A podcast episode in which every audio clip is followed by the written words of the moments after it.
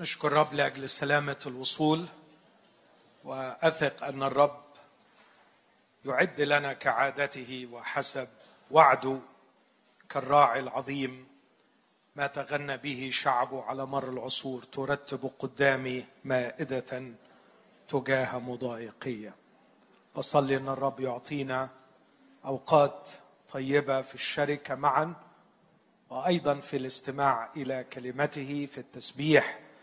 لتكن هذه الأوقات استثمارا جيدا في الحياة الروحية لكي ما نتغير وتسهم هذه الاجتماعات في تسريع وتعميق التغير إلى تلك الصورة عينها من مجد إلى مجد كما من الرب الروح.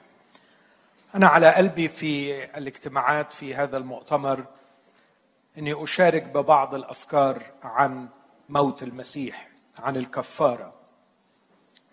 وحابب أحطها تحت هذا العنوان أفكار حول موت المسيح. ولما بقول أفكار أنا أقصدها فعلا آه، لأنه ربما لا تكون آه، كيانا متكاملا أو تعليما شاملا لكنها مجرد أفكار شخص استفاد من موت المسيح ويحاول أن يفهم مع إخوته نوع هذه الاستفادة. ما الذي آه، صنعه في المسيح الذي مات منذ ألفي عام؟ كيف استفدت أنا من موت المسيح؟ آه، لكن من جانب ثاني أقصد أسميها أفكار حول موت المسيح. لأني لا أدعي اطلاقا إني فهمت أعماق موت المسيح. آه، سيظل الصليب بالنسبة لي آه، أعمق جدا جدا جدا من أن يدرس. ومحاولة اختزال الصليب إلى فهم ما من منظور ما أعتقد أنه السقوط في الفخ الذي سقط فيه الكثيرون بعملية التبسيط عندما نحاول أن نبسط الأمور العظيمة فنفقدها قيمتها. علشان كده أتمنى أنه على آخر المؤتمر تكون هذه الأفكار قد خلقت فينا أسئلة أكثر مما أعطتنا أجوبة. وأصلي أيضا أن تكون آه، بتخلق فينا الرهبة أمام المسيح المصلوب. فلا نشعر بأننا أحطنا علما بالأمر لكن نتواضع ونعرف حجمنا أننا أمام قضية عظيمة كبيرة عميقة. نحاول أن نفهم ونستمتع لكن لا ندعي اطلاقا أننا نصبر أغوارها. هذا لا يعني أننا نحتاج أن نفهم كل ما في الصليب لكي نختبر بركاته. ودي نقطة مهمة جدا أرجو أن ننتبه إليها. فعلى مر آلاف السنين البشر يأكلون الطعام يتنفسون الهواء يشربون الماء هم لا يعلمون أي شيء. كيف تمتزج أجسادهم؟ وما هي الميكانيزمات التي تحدث في الداخل؟ لكي يستفيدوا من الطعام أو يستفيدوا من الأكسجين أو يستفيدوا من الماء. لكن كانوا يستفيدون منهم. وأنا أعتقد أن اتحادنا بالمسيح الذي مات يجلب لنا كل البركات ويضعنا في محضر الله ويعطينا ضمانا أبديا غفرانا للخطايا نصيبا مع المقدسين. لكن هذا لا يعني اطلاقا أننا فهمنا فهمنا ما حدث في الجلجسة ولا حتى فهمنا عمق ونوعية الاتحاد الذي يحدث بيننا وبين المسيح بالإيمان. هذا العمل العظيم الذي تم هناك منذ ألفي عام وهذا العمل العظيم أيضا الذي تم في بالإيمان عندما توحدت مع المسيح. الأمرين دول هيفضلوا ألغاز. لكن زي ما بقول اختبارك لبركاتهم واختبارك لآثارهم في حياتك لا يتوقف على الفهم.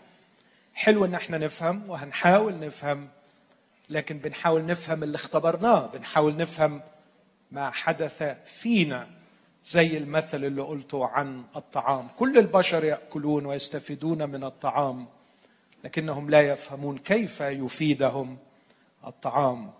كذلك يدعوك الرب يسوع أن تستفيد منه ومن موته وتتوحد معه وتعيش هذا الاختبار المسيحي الفوق طبيعي الاختبار المسيحي الذي هو فائق للمعرفة يعني أقصدها وضع تحتها كل الخطوط اللي تقدر تحطها الاختبار المسيحي الفائق للمعرفة. لكن تختبر ثم تحاول أن تفهم. علشان كده الاجتماع الأول أنا عارف إنكم مرهقين من السفر وجايين تعبانين. أعدكم بنعمة الرب إني لا أطيل. وأقدم مقدمة صغيرة مختصرة آه، نبدأ بها حديثنا عن آه، موت الرب.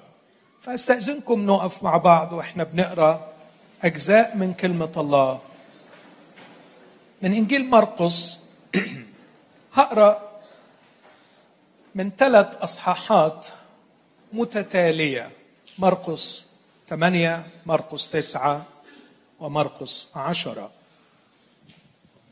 في مرقس ثمانية عدد واحد وثلاثين. وبعد إجابة بطرس عن السؤال الشهير الذي سأله الرب يسوع من يقول الناس إني أنا؟ وبعد تلقي هذا الإعلان العظيم عن من يكون الرب يسوع كالمسيا المسيح ابن الله الحي. يقول في عدد 31 وابتدأ أي الرب وابتدأ يعلمهم أن ابن الإنسان ينبغي أن يتألم كثيرا ويرفض من الشيوخ ورؤساء الكهنة والكتبة ويقتل وبعد ثلاثة أيام يقوم. وقال القول علانية. علانية يعني بوضوح بتفصيل وضح الأمر أنه فعلا هذا الكلام سوف يحدث. فأخذه بطرس إليه وابتدأ ينتهره. فالتفت أي الرب وأبصر تلاميذه فانتهر بطرس قائلا اذهب عني يا شيطان. لأنك لا تهتم بما لله لكن بما للناس. صح تسعة عدد ثلاثين. وخرجوا من هناك واجتازوا الجليل ولم يرد أن يعلم أحد. لأنه كان يعلم تلاميذه يعلم تلاميذه. إنه ليس مجرد إعلان علني توضيح لكنه صار موضوع تعليم. كان يعلم تلاميذه ويقول لهم إن ابن الإنسان يسلم إلى أيدي الناس فيقتلونه. وبعد أن يقتل يقوم في اليوم الثالث. واما هم فلم يفهموا القول وخافوا أن يسألوه. ثم مرقس عشرة عدد 32 أعتقد الشواهد سهل حفظها. مرقس 8 31 مرقس 9 30 مرقس 10 32 وكانوا في الطريق صاعدين إلى أورشليم. ويتقدمهم يسوع. يا لمجد هذه الصورة. لما يقرب وقت الصليب يسوع هو الذي يتقدم. وكانوا يتحيرون وفيما هم يتبعون كانوا يخافون. بدأوا يدركوا أن الأمر حقيقي. فأخذ الاثني عشر أيضا وابتدأ يقول لهم عما سيحدث له. ها نحن صاعدون إلى أورشليم. وابن الإنسان يسلم إلى رؤساء الكهنة والكتبة. فيحكمون عليه بالموت. ويسلمونه إلى الأمم فيهزؤون به ويجلدونه ويدفلون عليه ويقتلونه. وفي اليوم الثالث يقوم وفي نفس الأصحاح عدد 45 لأن ابن الإنسان أيضا لم يأتي ليخدم بل ليخدم وليبذل نفسه فدية عن كثيرين.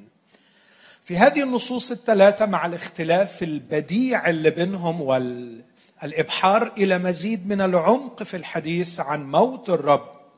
كان الرب يلقب نفسه بلقب غالي جدا هو ابن الإنسان.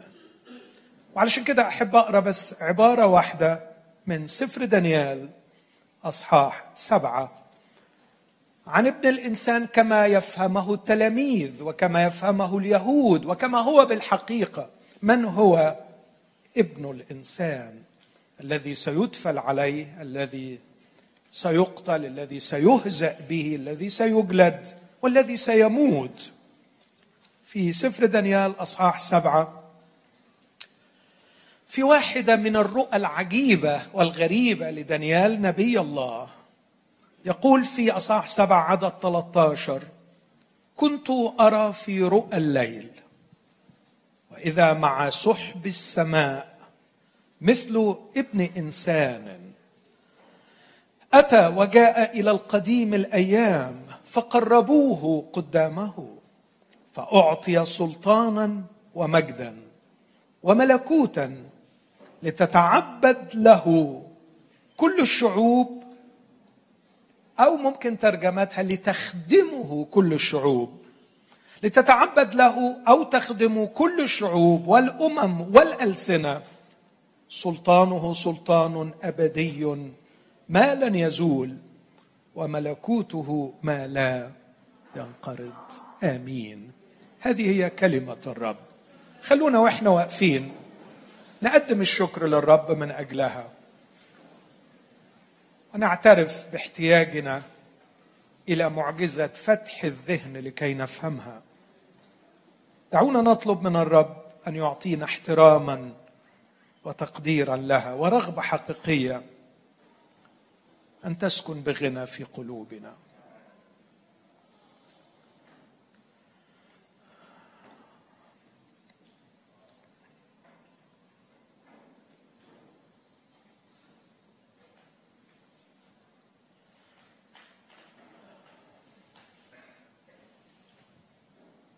أبانا من كل القلب نحمدك لأجلها.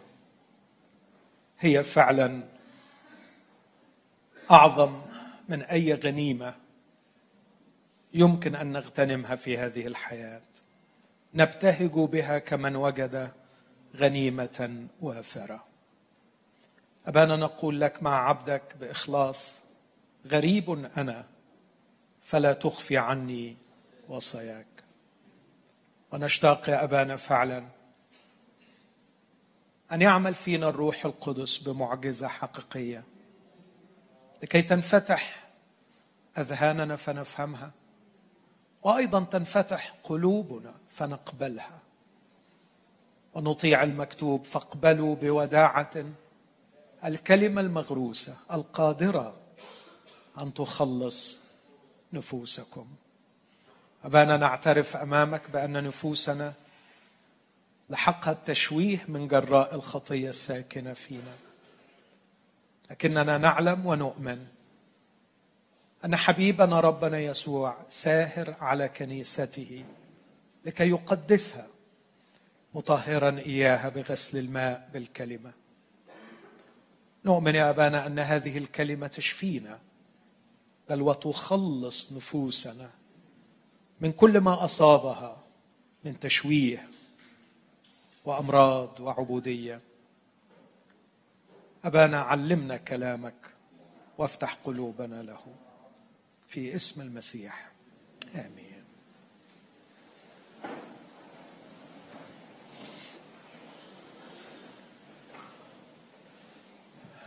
في ذهني على الأقل فئتين من احبائي المستمعين أو المشاهدين. الفئة الأولى شباب. يقرأ ويبحث. وهناك من يتحداه من جهة ايمانه المسيحي والتحديات تأتي من الداخل وتأتي من الخارج. على سبيل المثال بعض هذه التحديات أنا لا أستطيع أن أفهم منطقيا كيف أن شخص مات منذ ألفي عام في أرض فلسطين يخلصني أنا الآن من مشاكل الحياة. أنا أقدر المسيح وأقدر تعليمه هكذا يأتي التحدي. أقدر أنه عاش حياة مثالية اخلاقيا وأقدر أنه علم تعاليم عظيمه لم يعلم أحد مثلها. أنا أحب شخص يسوع المسيح أحيانا نسمع هذه العبارة لكني لا أفهم ما هو معنى إصراركم على قضية موت المسيح. الصليب لا يعني بالنسبة لي ما يعني لا أستطيع أن أفهم ما تضعونه من معاني في قضية الصليب. هذا واحد من التحديات. تحدي آخر أحيانا يأتي بصور آه، يمكن أكثر تشكيكا. مثلا الصليب يصور إله قاسي.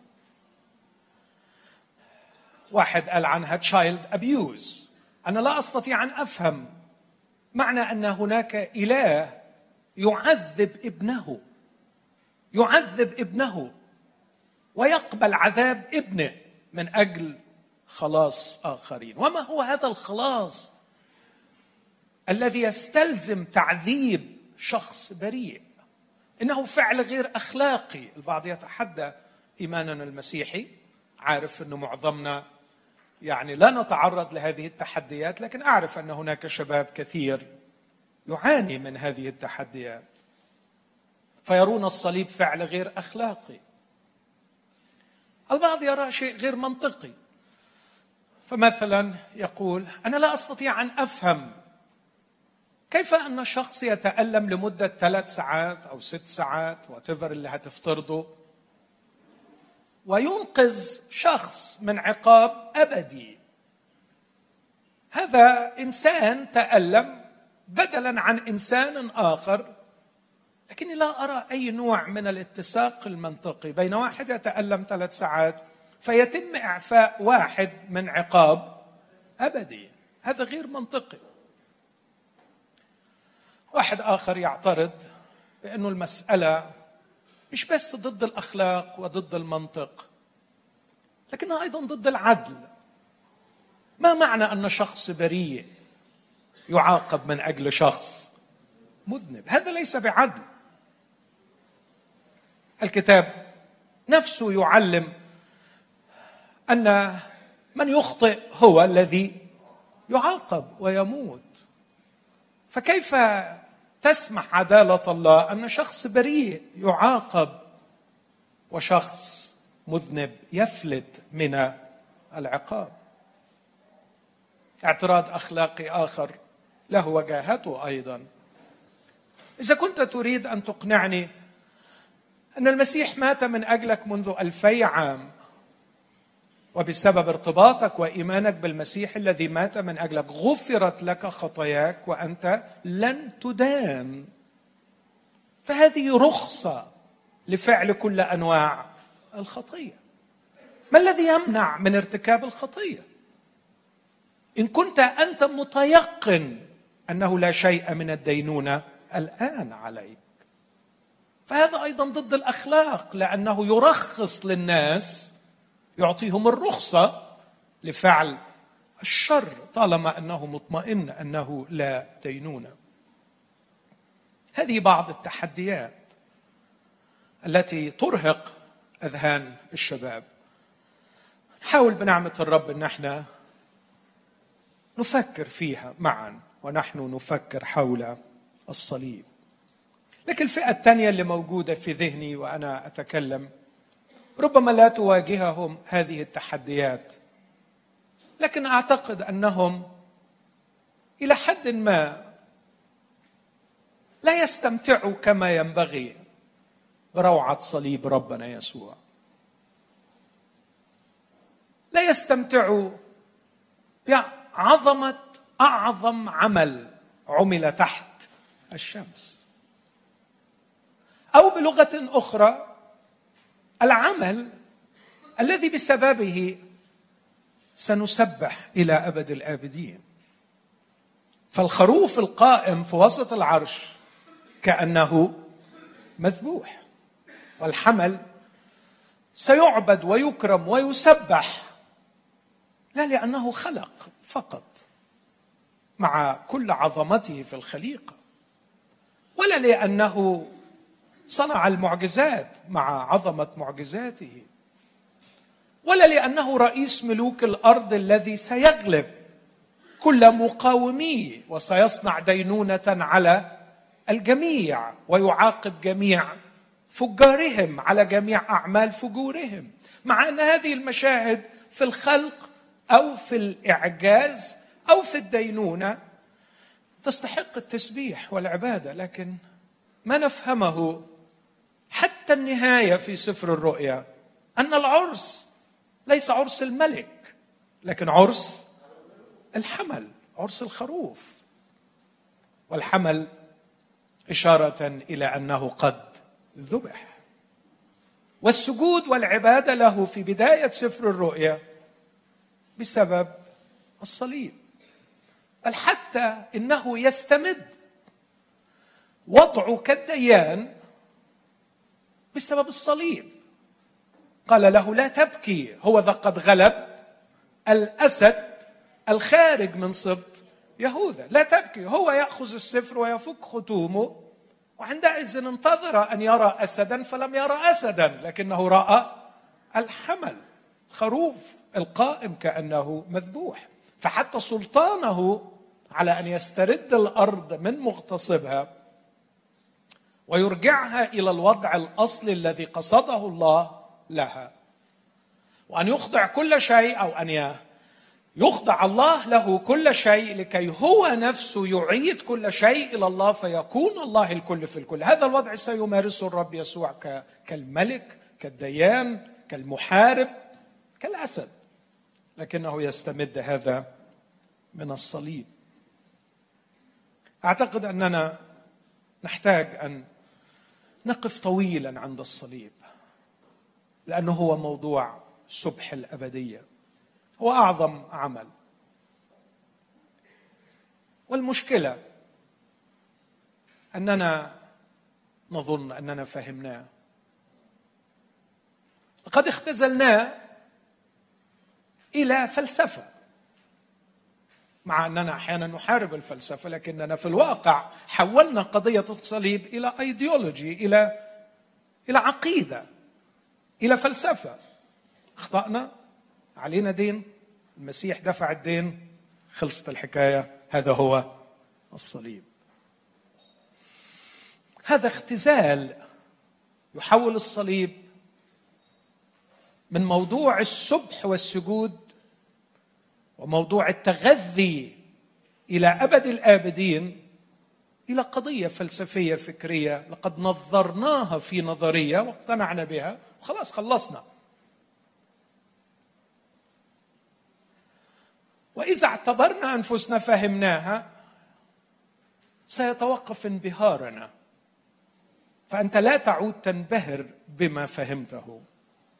وإذا قل انبهارنا بالصليب توقفت عبادتنا لأن العبادة وقودها حاله من الانبهار.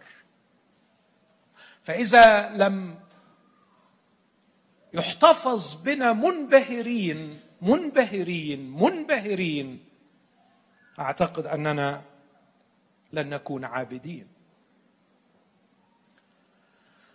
يقينا عندما أقرأ عن الخليقة وعظمتها أنبهر لكن الواقع أن الانبهار بعمل الصليب والانبهار بالفداء أعمق ملايين المرات من الانبهار بالخلق.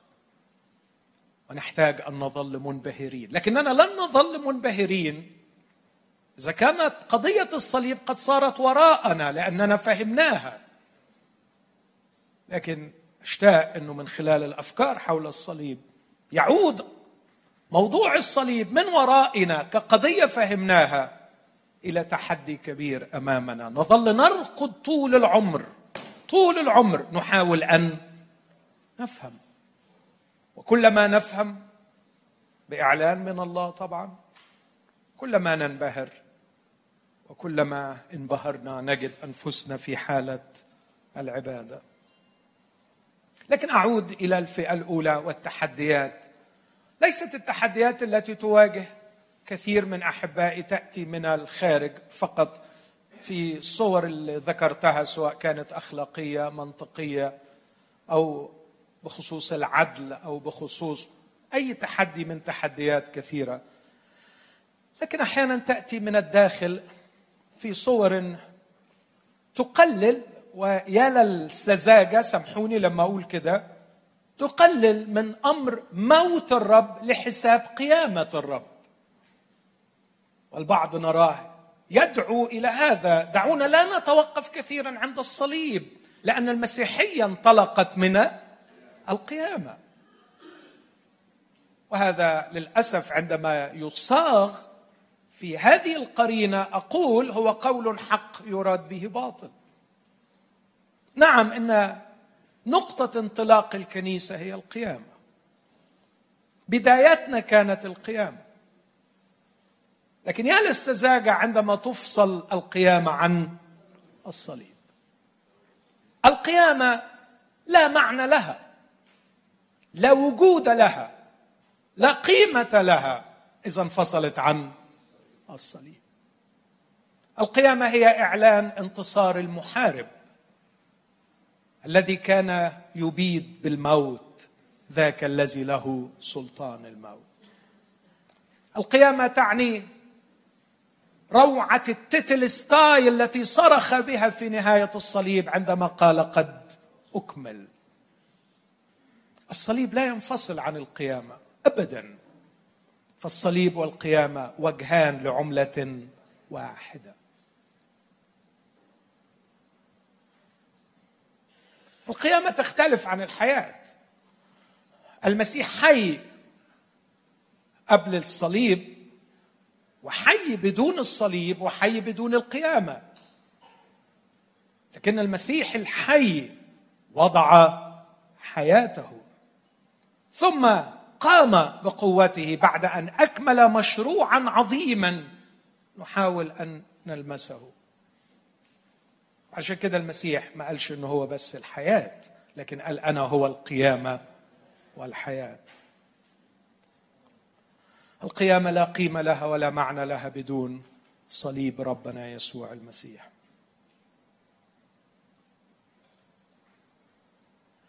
لكن أيضا تحدي آخر من داخل المسيحية. ما أعرفش يعني ربما بدوافع مخلصة. خوفا من اتهامات البعض أو رغبة في التسهيل في الأوساط التي نعيش فيها. يقلل من قدر ما نسميه أو ما يسمى البدلية العقابية. أن المسيح يسوع عندما مات على الصليب مات بديلا لخطاة يستحقون العقوبة. فيحاولوا أن يقللوا من قدر هذا الفكر الذي نادى به كثيرا وتكلموا فيه كثيرا المصلحون الأوائل على مدار مئات السنين كانوا يؤكدون على أهمية هذا الفكر في كفارة المسيح في عمل المسيح. أن هناك غضب هناك عقوبة وأنه كان لابد من موت المسيح لكي لا نعاقب نحن.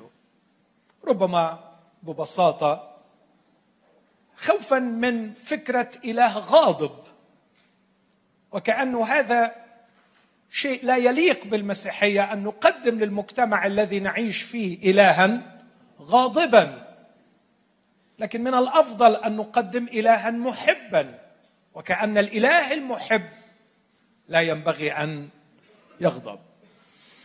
هذه سطحية في التفكير لأنه المحب إذا لم يغضب أنا شخصيا أشك في محبته.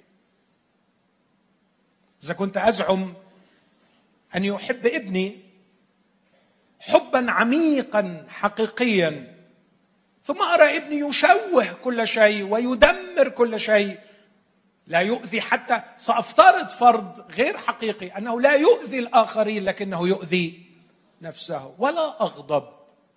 أنا كاذب في محبتي. الحب الحقيقي. الحب المطلق. لأن الله محبة. لابد أن يكون الها يغضب.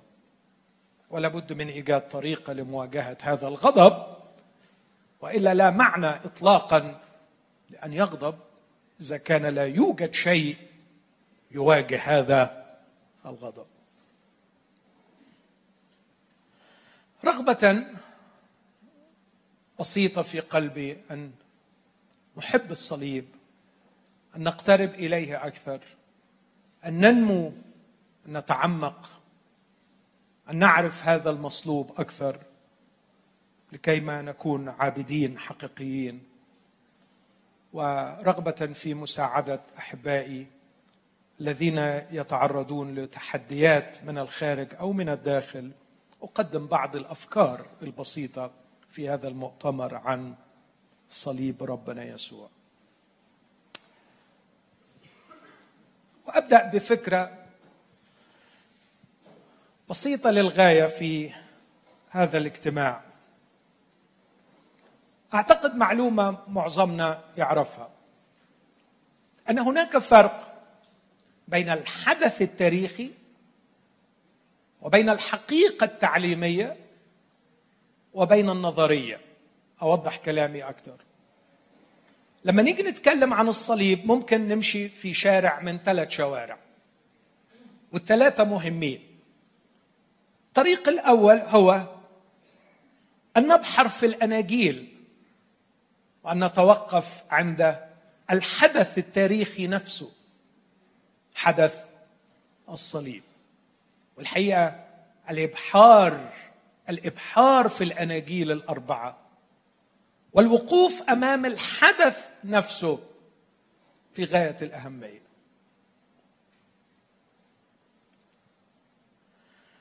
لكن هذا لا يكفي.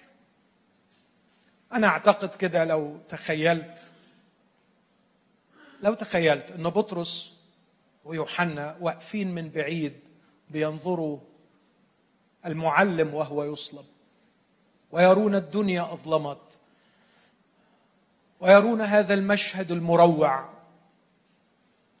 في منتصف النهار صارت ظلمة عظيمة على كل الأرض. تخيل إن يوحنا بيسأل بطرس وبيقول له ليه بيحصل كده؟ ليه بيحصل كده؟ أتحدى وأستبعد كل الاستبعاد إن بطرس يقدر يقول له البار من أجل الاثمه لكي يقربنا. مستحيل كان يخطر على باله. لكن أعتقد إن الإجابة كانت ستكون إنك حكامنا رؤساء الكهنة أردياء أشرار. وهذا صحيح. إن بيلاطس حاكم جبان رديء. آه يا يوحنا إن واحد منا قد خانه وأسلمه.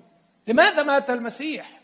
لا, يخ... لا يمكن يخطر على باله للحظه الكلام اللي كتبه بعد كده في الرسالة البار من أجل الاثمه فإن المسيح أيضا تألم مرة واحدة. أو لما يقول عنه حمل هو نفس خطايانا في جسده على الخشبة لكي نموت عن الخطايا فنحيا للبر. ده لا يمكن يكون خطر على بال أي واحد من التلاميذ في ذلك الوقت ولا حتى على عقل. هذه التلميذة الرائعة مريم التي كانت تجلس عند قدميه لكي تسمع كلامه. أعتقد أنها فهمت شيئا عن القيامة. وأعتقد أنه من السهل أن تفهم القيامة. منطقي تفهم أن من أقام الآخرين لابد أن يقيم نفسه. ولهذا كفنته وهو بعد حي.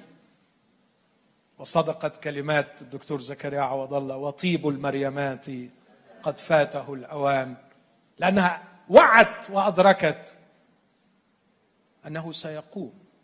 وربما هذا يفسر لماذا لم تذهب إلى القبر مع أنها لم تكن قط أقل حبا للمعلم من الجميع. كانت تعي شيئا عن القيامة لكن يستحيل أن تعي شيئا عن أعماق الصليب. على الرغم من أن الرب يسوع كما قرأنا أوضح بدل المرة مرات أبعاد معينة عن الصليب زي العبارة الأخيرة يبذل نفسه فدية عن كثيرين. هذا بعد من أبعاد الصليب لكنه لم يفهم. لم يفهموا هذا القول. كتاب قرينا كده. لم يفهموا هذا القول. مرة تاني القول خلق فيهم عشرات الأسئلة لكن لم يكسروا أن يسألوه. الأمر عميق وشعروا أنه أبعد من إمكانياتهم. أعرف أننا طبعا الآن يسكن فينا الروح القدس. لكن سكن الروح القدس لا تنتج فعلا تلقائيا للفهم. لكن سكن الروح القدس تعطينا الإمكانية على الفهم. لكن إذا افترضنا أننا فاهمين الروح القدس مش هيعمل حاجة معانا.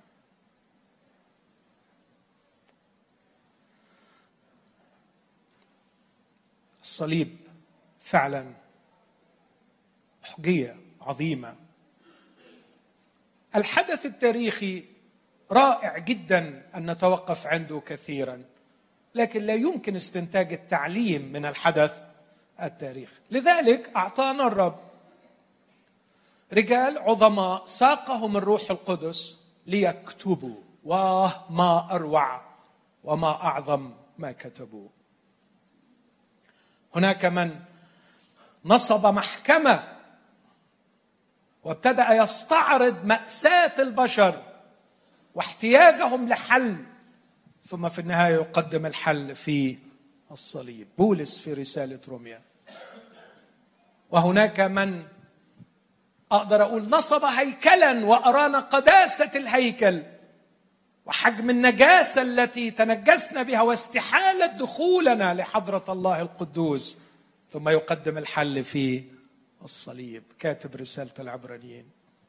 لما تقرأ رسالة روميا تحس أنك دخلت مبنى روماني ضخم وكأنه قاعة محكمة مهيبة مرعبة. ستتلى فيها التهم. وسيعرف كل إنسان بالحجة والدليل كم أخطأ لكي يعرف عمق مشكلته ويبحث عن الحل. لكن إذا ذهبت إلى رسالة العبرانيين لا تجد محكمة رومانية لكن هيكلا عبرانيا. تجد نفسك في رحاب مكان مقدس لكن يسترسل الكاتب ليشعرك بالنجاسة والدنس. فالقضية في روميا الذنب والغضب. الإلهي القضية في العبرانيين الدنس والقداسة الإلهية. لكن كاتب العبرانيين يتقدم أيضا ليقدم الحل في الصليب. وإذا ذهبت إلى كلوسي تجد نفسك لا في رحاب محكمة ولا في رحاب هيكل لكن في ساحة معارك مرعبة. والعدو فيها ليس بشرا لكنها أجناد روحية مرعبة. من يستطيع أن يقاومها؟ من يدخل إلى عرينها؟ ويرينا كيف أنها تسبي الناس بطرق مختلفة وكيف تذل الناس بطرق مختلفة. لكن لا يتركنا إلا وقد قدم الحل البديع. كيف جرد الرياسات والسلاطين وأشهرهم جهارا ظافرا. وهكذا من رسالة إلى رسالة إلى رسالة ومن تعليم إلى تعليم. يبدأ أناس الله القديسون مسوقين من الروح القدس ينبشوا بعض الأشياء عن عظمة ما تم في الجلجسة يعلمون شيئا عن روعة ما حدث هناك. والحقيقة حتى بعد ما بيكشفوه بنحتاج إلى قوة الروح القدس لكي نستوعبه ونختبره ونستمتع باختبار قوة الصليب. إذا الحدث التاريخي شيء والتعليم أمر آخر.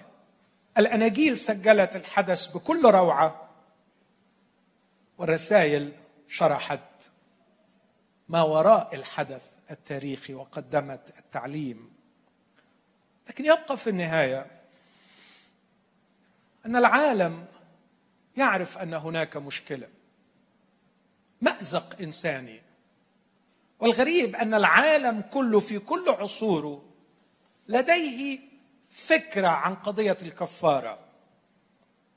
لم تخلو ثقافة واحدة موجودة حاليا أو في كل بقاع الأرض في كل العصور من مفهوم الكفارة. وهنا تأتي النظريات المختلفة التي ينظر بها فلاسفة معظمهم مسيحيين.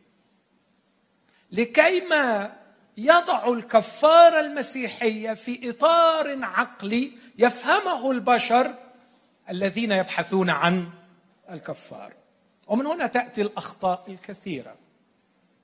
لأن المنظرين هؤلاء الفلاسفة المسيحيين للأسف يخطئون خطأ كبيرا أنهم يتحررون من الاعلان وعندما تتحرر من الإعلان أنت في ورطة كبيرة جدا. لأنك تريد أن تقدم شيئا عقليا منطقيا مقبولا. أتذكر واحد من أعظم العقول في العالم يوحنا بولكينغهورن أستاذ ال quantum physics في كامبريدج. وأيضا أستاذ كبير في اللاهوت. كتب عبارة جميلة وهو يتكلم عن الثالوث ويقول لو كان بيدنا الأمر لكنا قدمنا شيئا سهلا عقليا مقبولا. لكن عندما يكون لدينا نصوص ليس لدينا رفاهية التبسيط. لا نستطيع أن نبسط لأنه لدينا نصوص. ما تقدرش تلعب مع النصوص. أنت بالعافية تحاول أنك تفهم هذه النصوص. إخوتي الاحباء هو حد يفكر إن قضية أن الله واحد وثالوث قضية سهلة. وهي ليست بالقضية التي يخترعها عقل فيلسوف. لماذا نؤمن بالثالوث؟ لماذا نؤمن بالثالوث؟ سبب بسيط جدا أن الكتاب أعلن هذا. ولماذا نؤمن بصليب المسيح والكفارة؟ الكتاب أعلن هذا. عندنا نصوص. عندنا نص بيقول الذي أسلم من أجل خطايانا وأقيم لأجل تبريرنا. هذا هو الإنجيل الذي عرفتكم به أن المسيح مات من أجل خطايانا حسب الكتب وأنه دفن وأنه قام في اليوم الثالث حسب الكتب. علشان كده أقول لأحبائي وإخواتي الشباب اللي بيواجهوا تحديات ضد النظريات أو ضد التعاليم الخاصة بكفارة المسيح. اسأل منين المصدر؟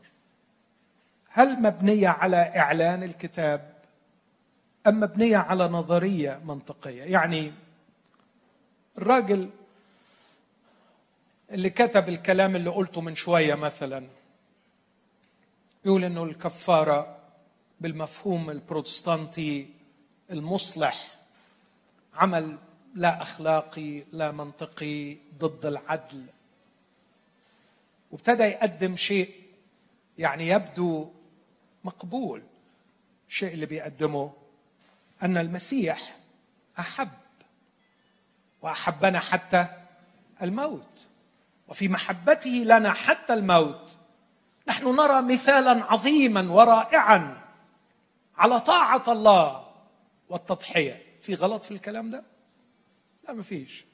بس هو ده مغزى موت المسيح أن يقدم لنا في النهاية مثالا رائعا لطاعة الله حتى الموت موت الصليب والتضحية. لكن بس تقف عند حد إنه بيقدم لنا مثال. الكلام ده سهل قبوله. وممكن يبدو منطقي لكنه نتج من عقل أراد أن يسهل القضية. وعشان كده ما استغربش ابدا لما درست ما وراء هذا الرجل. لقيت إنه هو أسس طائفة بعد كده اسمها يونيتيريانزم ممكن تجوجلت وتعرف. رفض كمان التسليس. وابتدى يفكر في إله واحد. وما فيش داعي لكل ما هو صعب. ثم بعدها رفض لاهوت المسيح. لأنه برضه الحقيقة الحقيقة اوعى حد يظن إنه إنك تؤمن بإن في شخص هو الله وهو إنسان ده أمر سهل. هوش أمر سهل. لكن الخطر كل الخطر حينما نحاول أن نبسط. إحنا مش بنؤمن أن المسيح هو الله وإنسان لأن المنطق يقول هذا. لكن نؤمن لأن الكتاب يقول هذا. ونحن نؤمن بان رجال الله وأناس الله القديسون تكلموا مسوقين من الروح القدس. الثالوث لاهوت المسيح صليب المسيح. لا نستطيع أن نبسطها. لكن علينا أن نتعامل بأمانة مع النصوص ونجتهد باتضاع أنا عارف إنه في داخلنا دلوقتي ربما شعور بالرفض و وشعور بسذاجة هؤلاء الذين حاولوا أن يبسطوا. لكن اسمحوا لي أقول يا أحبائي نسقط في نفس الفخ ونعيش نفس التجربة مع ضياع الجرأة عندما نختزل هذه الحقائق إلى أفكار سهلة نزعم أننا قد فهمناها. وخلاص ومع الأيام تفقد تأثيرها في أن تخلق فينا حالة من الانبهار والبحث. ما عادش عندنا توجه بتاع الرسول بولس وهو عمال يسعى وبيقول لا أعرفه. تعرف إيه يا عم؟ أنت كنت بس تقعد معانا سنتين وأنت تعرف كل حاجة. وتريح روحك من غلب إنك يعني لسه عايز تعرف إيه يعني عايز تعرف إيه. قول لي بس وأنا أشرحه لك اللي مغلبك يعني. عايز تعرف إيه؟ أو بولس لما يقول إن كان أحد يظن أنه يعرف فهو لم يعرف شيئا كما يجب أن يعرف. إننا نحتاج إلى إعلان من الله. وعشان كده في فيليبي بعد ما قال إنه بيسعى لكي يعرف ووضع الشعار لاعرفه يقول ليفتكر هذا جميع الكاملين منا وإن افتكرتم شيئا بخلافي فالله سيعلن. لم نزل نحتاج إلى روح الأطفال والبسطاء لكي يجود علينا الآب بالإعلان. عشان كده أقول لأحبائي الشباب ميزوا بين الثلاث اتجاهات. اقرأ الحدث التاريخي لكن لا تتوقع أن الحدث التاريخي سيعطيك المعنى. واقرأ التفسير وقف طويلا عند النصوص في الرسائل لكي تفهم ماذا حدث في الحدث التاريخي. وعندما تقرأ النظريات التي تناقش وتتحدى ارجع بها إلى النصوص. أنت من حقك من حقك ترفض النص. بس كن أمين مع نفسك وقول أنا اللي بؤمن بيه ملهوش دعوة. بالنص لأنه النص مش عاجبني مثلا أو مش جاي على هوايا ما حدش يقول لك ما حدش يقطع رقبتك من حقك. بس تبقى فاهم على الأقل إنك مآمن بنظرية لكن مش مآمن بالنص. أو بتتبع نظرية لكنك لا تتبع النص الكتابي.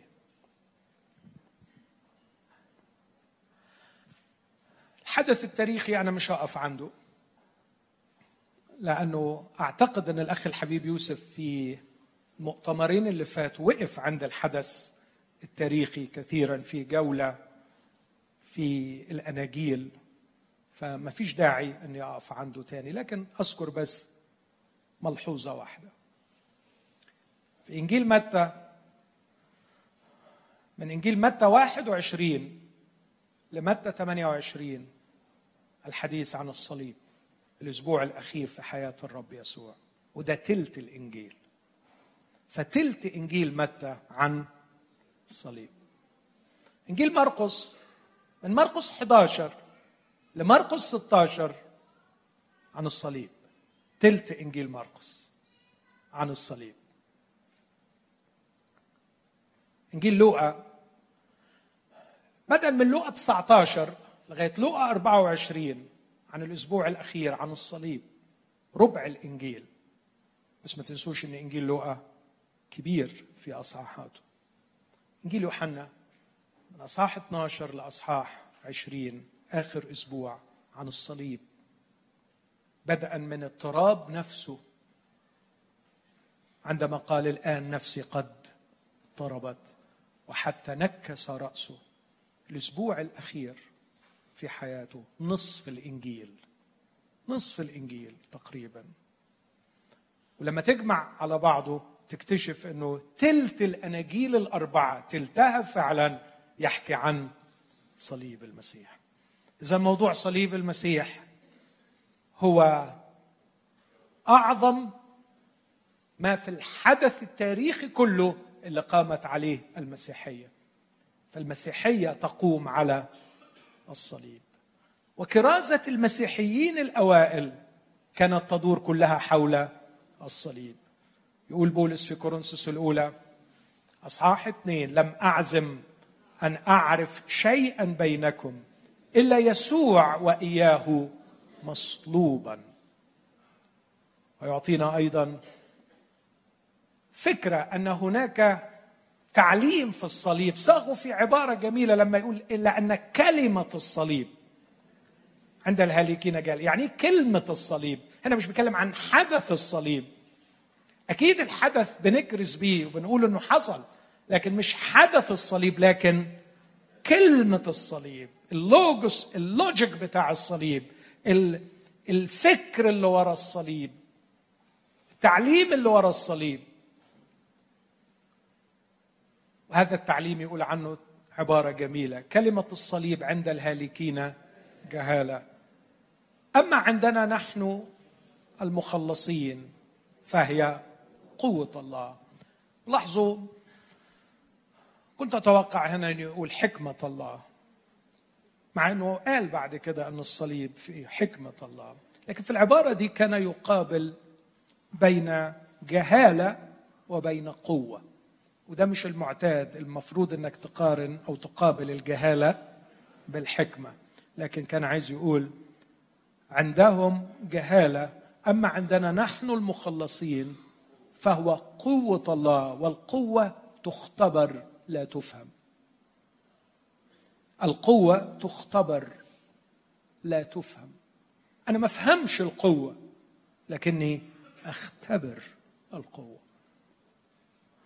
وده اللي أتمنى إن إحنا ننتهي به في هذا المؤتمر.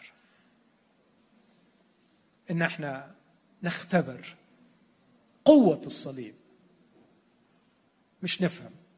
مش نفهم لأنه أنا مش عارف أفهم اوضحها لأن أنا نفسي مش فاهم حاجات كثيره فيه.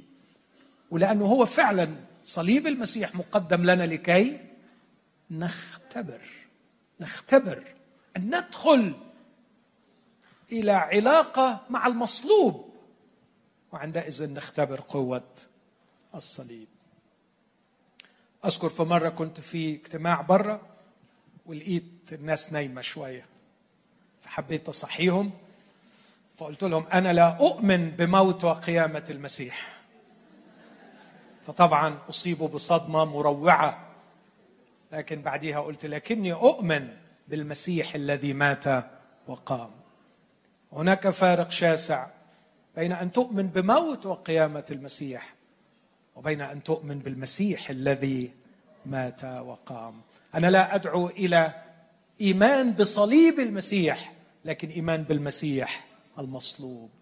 فالدعوة إلى الاتحاد والارتباط بهذا الذي أحبنا وأسلم نفسه لأجلنا وعلق على الصليب. وعندما نقترب إليه أكثر ونتوحد معه أكثر نختبر أكثر قوة الله نختبر روعة الصليب وعظمة الصليب. أصلي من كل قلبي أن الرب يبدأ يهيئنا في هذه الأيام ثلاثة بأشواق حقيقية أن نحب المصلوب ونعرفه ونعبده. خلونا نحني قلوبنا ورؤوسنا ونصلي.